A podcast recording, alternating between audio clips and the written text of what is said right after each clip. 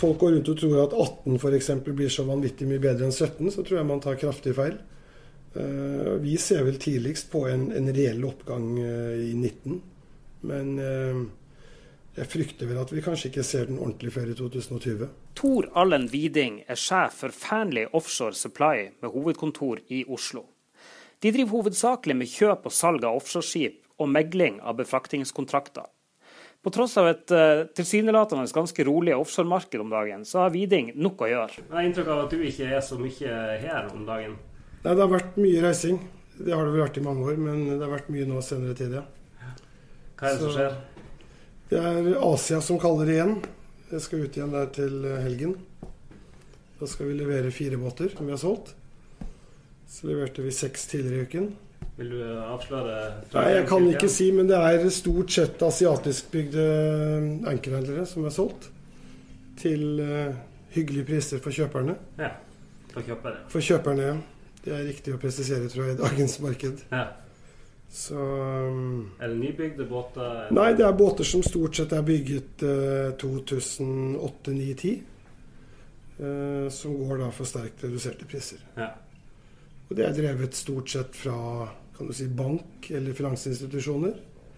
Eller rederier som bare vil ut. Det er jo ikke mangel på salgskandidater, kan man si. Nei, er det riktig å anta at alt ikke heter salgs? Ja, jeg vil si det. Uh, hele offshoreflåten kan vel i, i, teorien selges. Uh, det er klart, alt er jo ikke billig. Og, og vi har vel sett at de uh, litt spesialiserte, eller de spesialiserte norske fartøyene som store ankerhåndterere, store PSV-er, subsea-fartøyer, de har heldigvis holdt igjen på prisen, da. Med hjelp av bankene. Mm. Uh, mens jeg vil si tyske banker, og kanskje asiatiske, har vel vært betydelig mer nervøse. Nettopp. Og vil ut. Det får vel utslag på prisen òg, vil jeg? Ja. Jeg vil jo si at noen av disse båtene er jo nå solgt for mellom 10 og 20% av kostpris. Det er båter som er bygget i 09, uh, ja, 08 til 2010. Hva er kostprisen på disse båtene? Det varierer litt avhengig av hvilken type det er, men hvis du sier typisk sånne 5000 hesters ankerhåndteringsbåter, de kostet, eh, kostet mellom ja, 9 og 14 millioner dollar å bygge. Eh, disse 8000 hesterne de kostet vel 17-18. Eh, og 10 000-hesterne lå jo på lave 20 eller 2-3-24 millioner dollar. Nettopp. Så de er stolt da på, på rabatterte priser. Veldig rabatterte. Dette er ikke de, det er ikke de aller største? Det Nei, så det, dette er kan du si små arbeidshest Eh, Altså små enkelhender som brukes mye varme farvann. da. Mm. Så du kan ikke sammenligne det med f.eks. Uh, high end Nordsjø. Det er to forskjellige ting.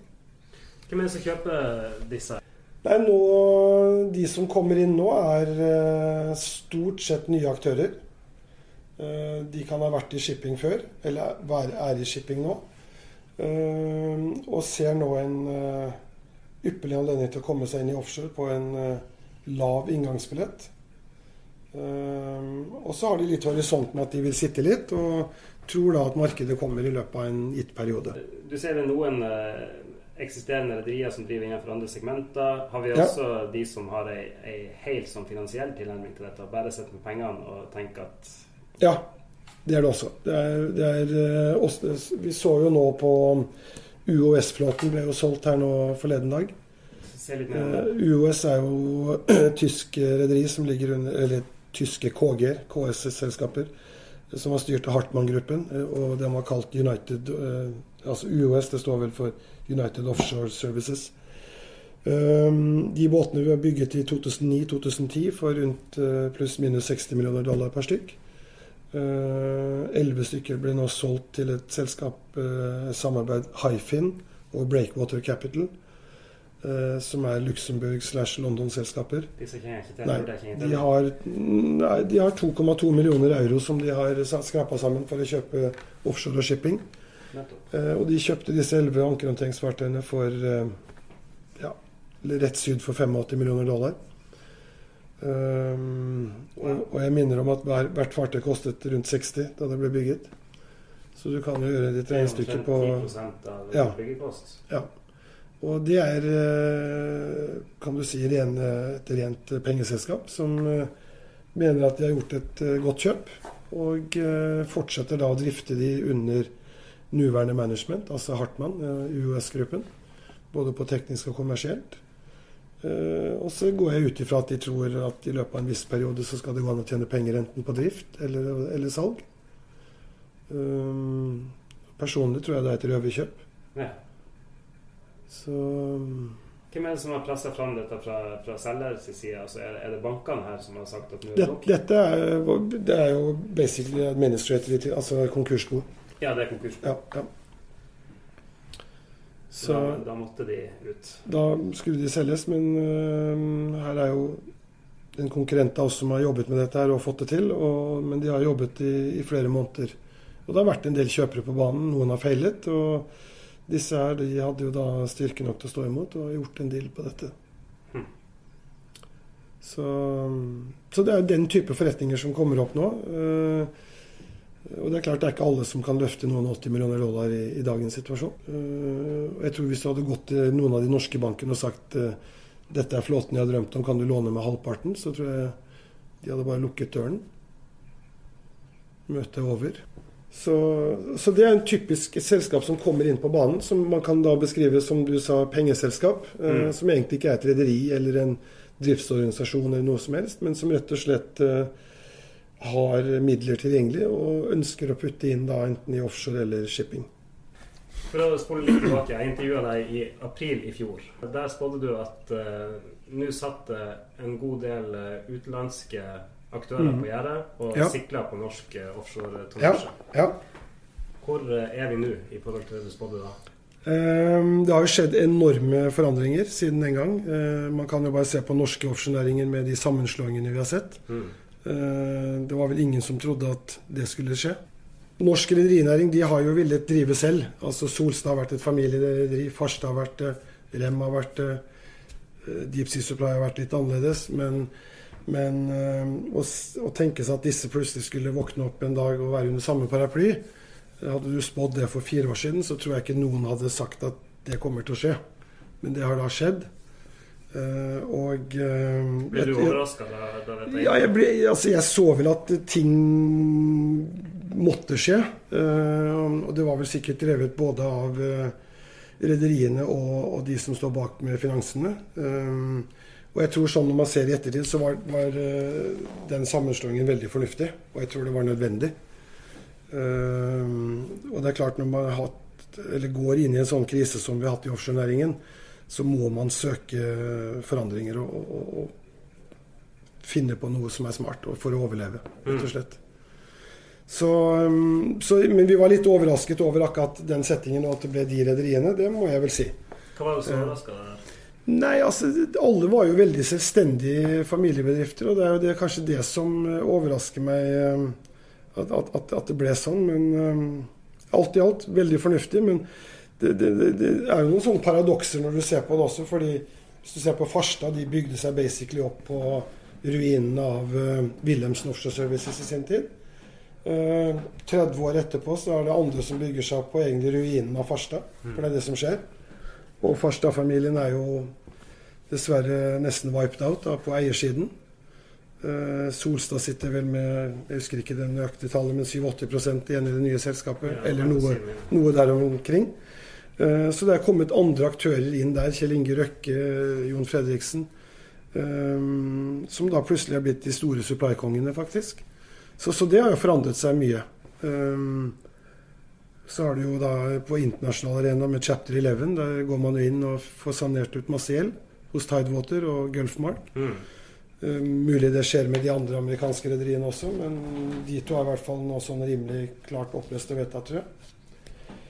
Ehm, så er det disse utenlandsaktørene som vi har en dialog med. De har jo bl.a. kjøpt disse båtene som jeg nevnte innledningsvis. Noen av de har sittet på gjerdet og håpet og trodd at prisene skulle komme ned. Og det har de jo gjort. Ehm, I hvert fall for den type tonnasje. Kommet jevnt og trutt ned de siste månedene. Siste måneden? Ja. Nå tror jeg faktisk at dette er i ferd med å flate seg ut. Det er det jeg tenker når du forteller dette. Altså, når noen har sittet på gjerdet siden vi snakka sammen ja. sist, som over et år siden, og de mm. velger å slå til, mm. så mener jo i hvert fall de da at de gjør den beste dealen de kan nå? Ja, vi hadde to av de båtene vi har solgt uh, nå. De hadde vi solgt uh, rett før sommeren i år. For uh, i overkant av fire. og kjøper mente at per stykk dollar. og kjøper var av en oppfatning at det var en god deal. Mm. Og så feilet de av ulike årsaker. Og så har vi nå omsatt de for rundt tre. Nettopp. Så et fall på 25 siden? Ja, på bare kall det fire-fem måneder. Hva forteller det deg? Det forteller meg i hvert fall at markedet ikke var i bunn i juni måned. Eller i mai måned. Men, eh, men, det er klart, det, det, bekrefter jo også at veldig mange er eh, desperate og vil ut. Og det er spesielt på banksiden. Og det er klart Vi så disse tre Sviber-båtene som ble solgt på auksjon i Singapore her på vårparten. Der var det vel noen og 40 millioner dollar utstående gjeld, og de endte opp å bli solgt for 3,2 per stykk. De lå i KS-er i Pareto eh, og var operert av Sviber i Singapore. Og du sier at det lå 40 i gjeld på Jeg mener at gjelden var eh, 43, over 43 millioner dollar. Og så ble de solgt for 9,6 totalt. Det er et voldsomt tap, da? Ja. Og de kostet vel noen og 20 da de ble bygget i 09 eh, var vel, Alle tre var vel 09-modeller. Ja. Og det er klart, et fartøy hvor et rederi eller eierselskap har gått konkurs, eh, det fremtvinger jo bare folk som er ute på, for å skaffe seg røverkjøp. Mm. Så du får jo en uh, rekke skambud. Ja, det vil jeg tro. Ja. Men uh, markedet skulle jo man tro at fungerte sånn den veien også, at, at, man klarte å presse prisen opp til det som skal være det riktige nivået? Ja, det, er, det er vanskeligere å selge en båt som er uh, under et konkursbo, eller noe som er uh, en, en going-båt som ligger i et rederi. Fordi at det ligger mer risiko i Ja, og, og, det er Jeg tror det gjør noe psykologisk også med folk. Når det er konkursbo, så skal det være billig. Og, og, du får ikke da en pris som kanskje gjenspeiler de verdiene som bank eller selger håper på. Eh, jeg sa vel forleden dag her at eh, hvis man kunne se på kartet i dag over eierne i verden, og så ser du på samme kartet om eh, tre år, så er de to kartene betydelig forskjellige. Og de fleste aktørene i dag har jo ingen muligheter til å løfte nye prosjekter. Nei. Fordi, for, altså eksisterende. Fordi at man er belastet med så mye gammel moro da, som heter gjeld. Uh, og så kommer det nye aktører inn som får tak i rimelige båter, som har cash, uh, som ikke har noe gammel historikk, uh, og som syns olje og gass ser attraktivt ut. er dette de samme aktørene som du snakka om for Ja, den, den, ene aktøren som jeg snakket om der, de har gjort veldig lite. for de skal helst ha alt gratis. snakker om? jeg vil ikke si hvilket navn det var jeg tenkte på der, men Men mange vil jo faktisk ha ting gratis, da, men, og, og, mange har jo vært rundt hos alle bankene og sagt at vi skal legge båtene i et nytt AS, og så skyver man gjelden over i det nye AS eller det nye selskapet, og så drifter man, og så har man en kjøpsopsjon etter så og så lang tid. Men jeg vet ikke om det løser alle problemene til rederiene. Um, og så er det noen som vil lurt det ut, da. Men, um, men, disse nye aktørene det er spennende, fordi at uh, noen er eksisterende shippingaktører som kan være inne i bulk eller tank eller andre ting. Mm. Og som syns nå at prisingen på en del offshore assets begynner å bli veldig hyggelig. Um, så vi har uh, flere på boka der uh, som jeg skal møte med de neste dagene. Og som også er nå i ferd med å gjøre ting, da. Nettopp. Så, er det opp mot uh, norske aktører? De, Nei, det er stort sett på asiatisk tonnasje, vil jeg si. Eller, eller ikke nordsjøtonnasje, da. Det er vel riktig uttrykk. Er det noen som eh, er nært på uh, nordsjøtonnasje i dette øyeblikk? Det er også noen som snuser på det, ja. Det er det. Hvordan foregår det her? Uh, nei, de bruker jo gode meglere, da. nei, det gjelder jo å, å, få tak i de riktige kandidatene. Uh, og det er jo ikke noe enkelt, fordi um, uh, noen kandidater styres jo i kombinasjon mellom de som har gjeld i båtene, og, og, eierselskapet. Noen styres av bankene, noen styres rett og slett av rederiene selv. Mm. Um, og det er vel ikke én båt som omsettes i dag til det som er offisiell prislapp, hvis man kan bruke det uttrykket. Nei. En kjøper vil jo krangle kontinuerlig på pris. Og så er det noen som da har et sterkt ønske om at nå må vi få denne cashen på bordet. Så aksepterer man, og så blir båten solgt. Mm. Men eh, seks av de båtene vi leverte nå denne uken, har vi jobbet med siden januar. Det er, det er vel det dårligste Hvis vi ser på timer, lagt ned fire mann her som har jobbet eh, Jeg vil ikke si døgnet rundt, for det er feil, men vi har lagt ned kolossalt med tid på det. Ja. Timebetalingen er vel det dårligste prosjektet vi noen gang har gjort. Men eh, men selgerne er fornøyd, så det er kanskje det viktigste. Vi har fått en runway eh, hos de fleste norske rederier fram til ca. 2020. Ja. Og så Din analyse er at uh, det kommer i hvert fall ikke tilbake før 2020. Jeg håper jeg tar feil. Hvor sannsynlig tror du det er at vi får en situasjon der norske rederier også blir nødt til å selge unna båter, der, der bankene vil på en måte tvinge, tvinge rederiene til å selge Vanskelig spørsmål, og det er egentlig en sånn spekulasjonsspørsmål. Ehm, jeg vil jo kanskje heller snu det rundt og si at ehm, hvis 2020 kommer og markedet ikke har bedret seg i noe særlig grad, eh, og man kanskje ikke greier å betjene det man skal betjene på lånesiden, så skal man jo ikke se bort fra at noen banker kanskje må ta en biting.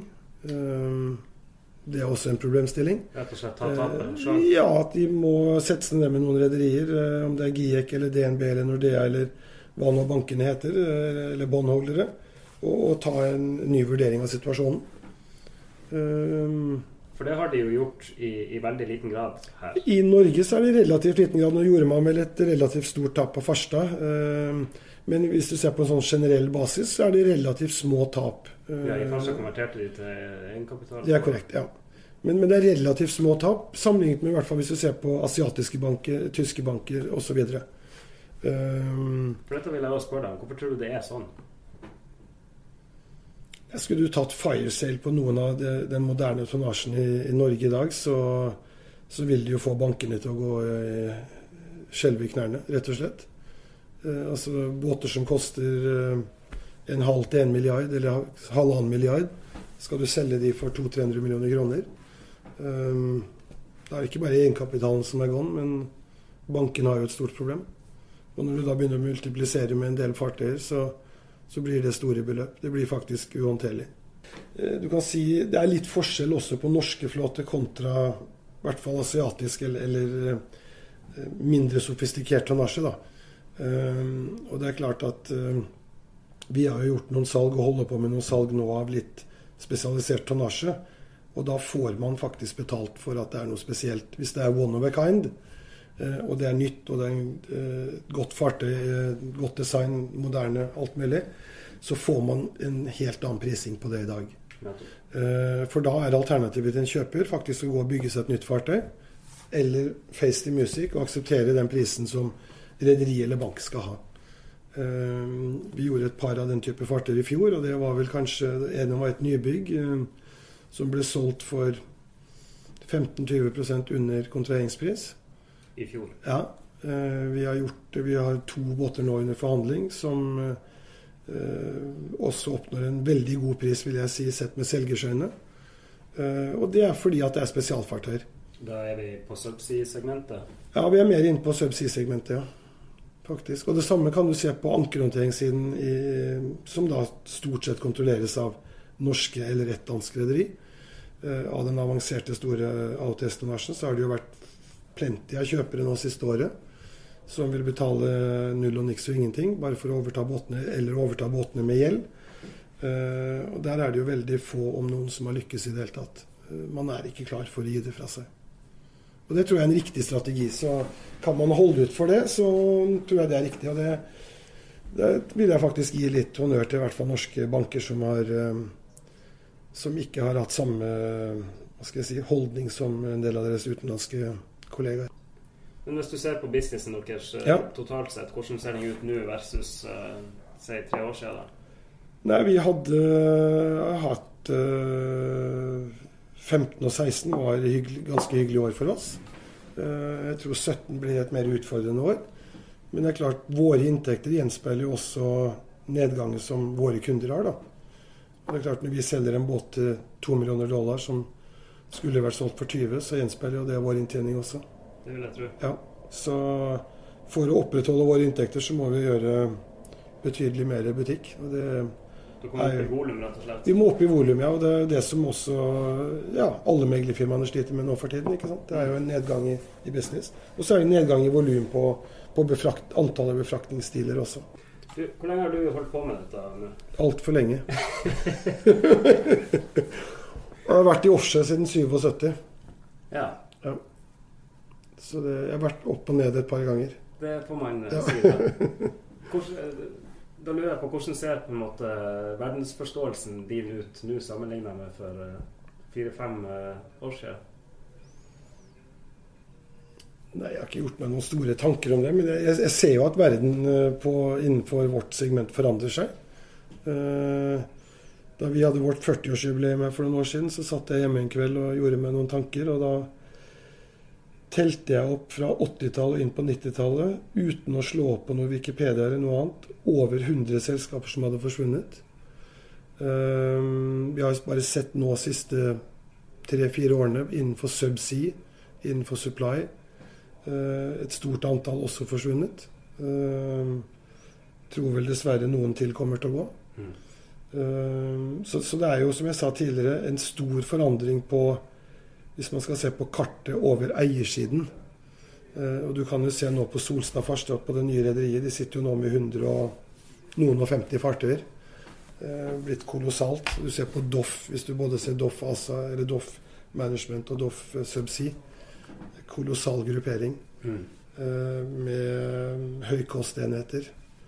Vi har i 70 skip Ja. Men hvis du går inn og ser på spesielt på Subsea og spesialflåten, så er jo det fryktelig kostbare enheter per skrog.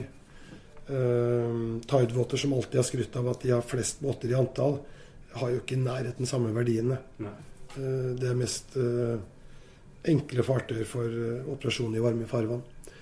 Så jeg tror at den siden kommer til å forandre seg. Så ser du det samme på befraktersiden. Oljeselskaper kommer no, noen nye til, men det er jo mer sammenslåing enn nykommere. Mm.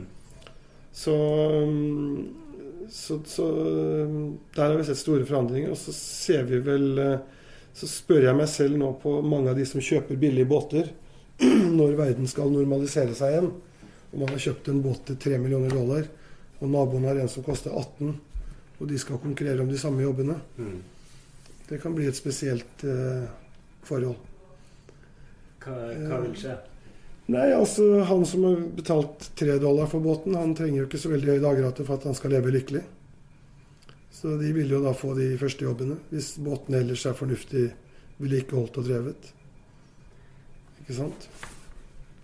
Det vil jo bli voldsomt komplisert, vil ikke det? Altså hvis du jo. ser, Nå har vi en, en, nedtur der det på en måte handler om å komme inn og sikre seg tonnasje for billigst mulig penger. Ja. Og så når du da får en rekyl som du snakker om, ja. som kan komme brått så skal man da begynne å by inn på disse jobbene. Og mm -hmm. som du sier, så er det da en selvfølge at de som har betalt minstebåten, kan jo ta de ja, ja, ratene. Ja, ja. Hvordan vil en sånn opptur se ut i, i det, det, altså Oppturen vil jo være de som har uh, kjøpt billig, vil jo få fantastisk hyggelige dager en lang tid. Uh, Men hva skjer da for en aktør som har betalt 18 for den båten, som naboen har betalt 3 for? Hva blir han sittende og gjøre? Nei, han, eh, prøver, han må jo slutte på egentlig rater som piner han nesten til døde.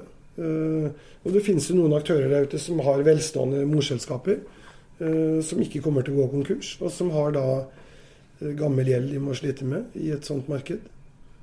Så, det blir utfordrende. Du ser jo et nytt annet norsk selskap, Standard Drilling, som har brukt tiden til å bygge seg opp. Ja, det vil jeg spørre deg, faktisk. Har vi jo ja. Der har de jo kjøpt eh, moderne eh, Volstad-båter med isklasse. De har kjøpt eh, mindre PSV-er, som er da under ti år gamle, mm.